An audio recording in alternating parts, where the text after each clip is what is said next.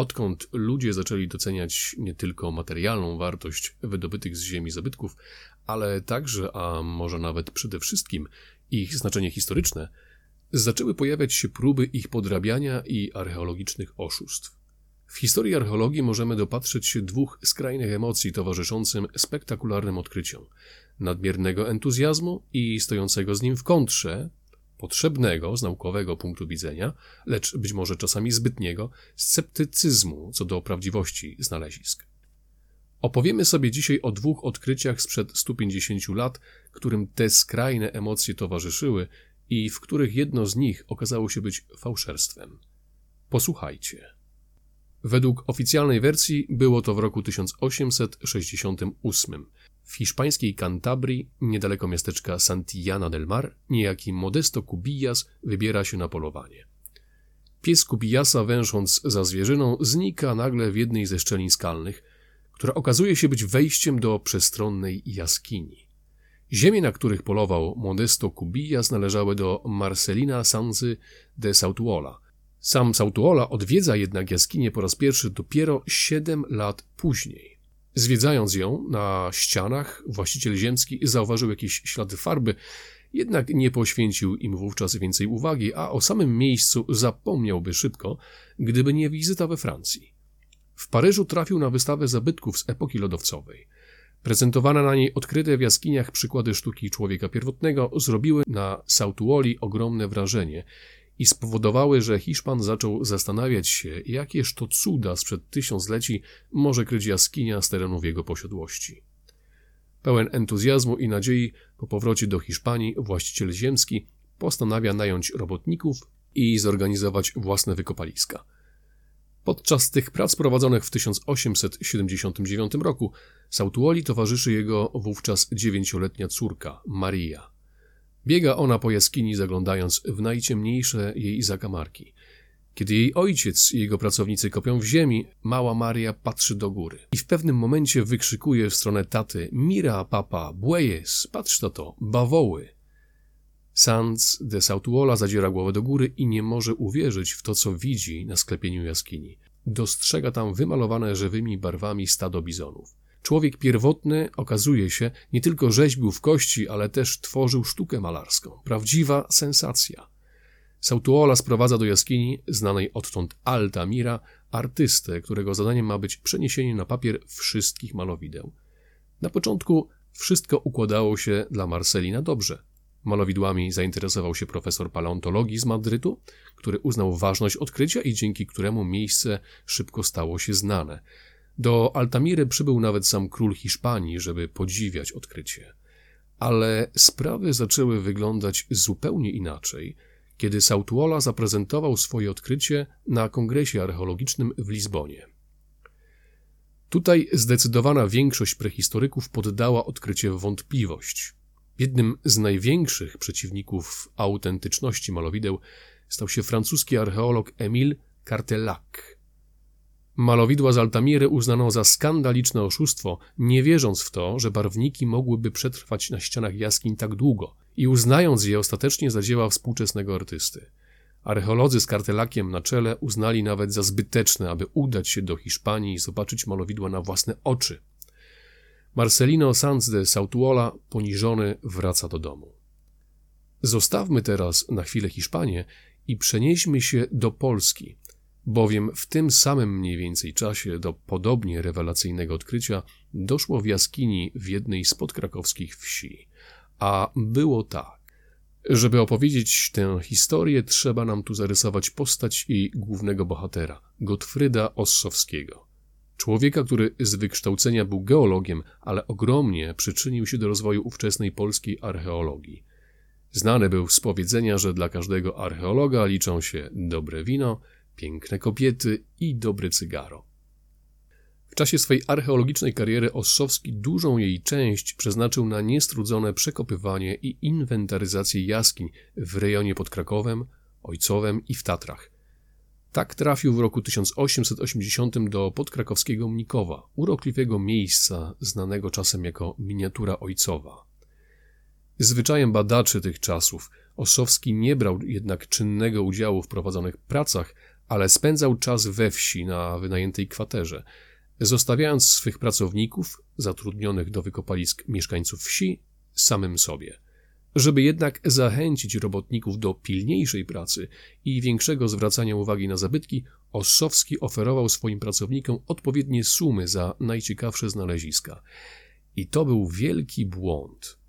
Nie upłynęło dużo czasu, kiedy chłopi zaczęli znosić Ossowskiemu różne wykopane zabytki, rzeźby wykonane z kości zwierzęcych.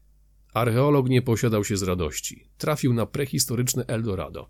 Figurki ludzkie i zwierzęce, proste w wykonaniu, ale całkiem estetyczne, wydatował na czasy neolitu i ruszył w świat z informacją o swoim odkryciu.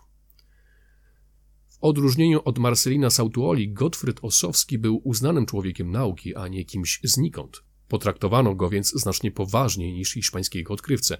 Nie zabrakło jednak głosów sceptycznych co do jego odkrycia. Wśród tych sceptyków byli archeolodzy polscy, ale też i zagraniczni. Jednym z nich był znany nam już Emil Cartelac, człowiek ewidentnie wyczulony na wszelkiego rodzaju fałszerstwa archeologiczne. Stwierdził on, że te figurki strugał ktoś po to tylko, żeby ośmieszyć i skompromitować archeologów i archeologię. Sam Ossowski zażądał stworzenia specjalnej komisji, która dokładnie przebada mnikowskie rzeźby, aby sprawę wyjaśnić raz a dobrze. Po wielu badaniach, ale także eksperymentach, uznano surowiec, kości i rogi zwierzęce za autentyczne, to znaczy należące do fauny żyjącej wiele tysięcy lat temu. Niektórzy nadal utrzymywali jednak, że figurki mogły zostać wystrugane przy użyciu żelaznego noża być może w średniowieczu lub potem, jak na przykład Józef Łebkowski piszący, że zapewne te figurki wykonali renesansowi lub barokowi skałkarze, czyli wytwórcy krzemiennych krzesiw do broni palnej. Sama komisja oficjalnie i dosyć emocjonalnie na zarzut fałszerstwa stwierdziła, co następuje. U nas w Polsce wszelkie nauki uprawiają się spokojnie, bez tych walk namiętnych, które gdzie indziej zdolne są posuwać się do podstępnych strategii kompromitowania przeciwników przed podsunięte falsyfikaty. Co zaś tyczy się ludu miejskiego i wiejskiego, bez którego domniemane fałszerstwa w jaskiniach mikowskich nie mogłyby się wykonać, to umysł jego i praca są zbyt mocno i wyłącznie zaprzątnięte sprawami i kwestiami realniejszymi, tyczącymi się własnego bytu i potrzeb powszednich, aby on mógł się nawet domyślać istnienia jakiejś tam archeologii i archeologów przedhistorycznych. Tymczasem w Hiszpanii umiera Marcelino Sans de Sautuola. Niedługo jednak potem na terenie Francji dokonano odkryć podobnych do tego z Altamiry. Jaskiń, na ścianach których zachowały się malowidła zwierząt. Bliższe badania wykazały, że nie ma wątpliwości co do tego, iż zostały wykonane tysiące lat temu. Wtedy wreszcie Emil Cartelac, którego sceptycyzm co do artystycznych osiągnięć naszych przodków z paleolitu zaczęła topnieć, zdecydował się zobaczyć na własne oczy bizony ze sklepienia Altamiry. Niewielu było już wówczas archeologów, którzy nadal zaprzeczaliby ich autentyczności. Dzisiaj, dzięki nowoczesnym metodom datowania, wiemy, że paleolityczny artysta lub artyści z Altamiry tworzyli swe dzieła około 15 tysięcy lat temu. W 1903 roku Cartelac zdobywa się na nie lada gest względem zmarłego Marcelino Sancy de Sautuola, pisząc słynne do dzisiaj mea culpa sceptyka, artykuł, w którym przyznaje się do błędu. Osobiście także przeprosił za swój sceptycyzm dorosłą już córkę Marcelina Marię i wyznał jej, że sumienie dręczyć go będzie do końca życia. O ile Emil Cartelac uznał prawdziwość malowideł z Altamiry, to nie miał powodu, żeby zmienić swą opinię na temat wyrobów mnikowskich. Dopiero w 1930 roku trzech polskich archeologów postanowiło rozstrzygnąć sprawę mnikowskich figurek raz na zawsze. Gabriel Leńczyk, Tadeusz Reimann oraz Jan Ficke udali się do Mnikowa. Odszukali jeszcze tych żyjących uczestników wykopalisk prowadzonych przez Ossowskiego, którzy wtedy byli zaledwie chłopcami. Teraz jako staruszkowie przyznali się archeologom, że sami wystrugali te figurki ze znalezionych w namulisku jaskini kości zwierząt prehistorycznych. Najwięcej, jak mówili mnikowscy chłopi, wykonał ich nieżyjący już wtedy Jan Marchewka. Na koniec chciałbym przytoczyć pewną anegdotę, którą zamieścił w jednej ze swoich książek zmarły niedawno znakomity popularyzator archeologii, profesor Jerzy Gąsowski. Pisze on o polskiej ekspedycji archeologicznej prowadzącej wykopaliska w 1962 roku na wyspie Torcello w Wenecji. Otóż podczas tych badań do doktora Stanisława Tabaczyńskiego zwrócił się jeden z włoskich robotników, przekazując mu jakiś tajemniczy przedmiot, rzekomo znaleziony w ziemi. Kiedy doktor Tabaczyński odbierał rzecz z rąk Włocha, nagle z kieszeni jego marynarki rozległ się dźwięk przenośnego budzika. Słysząc tajemniczy alarm, włoski robotnik zbladł i zaczął przepraszać polskiego archeologa, przyznając się do tego, że to on wykonał ten przedmiot i podrzucił na wykop, żeby wyglądało jak wydobyty z ziemi zabytek. Przestraszony Włoch był pełen uznania dla polskiej myśli technologicznej, która stworzyła tak zmyślne urządzenie do wykrywania fałszerstw. Dziękuję za uwagę i zapraszam na następny odcinek, którego można będzie wysłuchać w stylu Gottfrieda Osowskiego, czyli przy lampce dobrego wina, w towarzystwie pięknej kobiety i, choć osobiście tego już tak bardzo nie polecam, paląc dobre cygaro.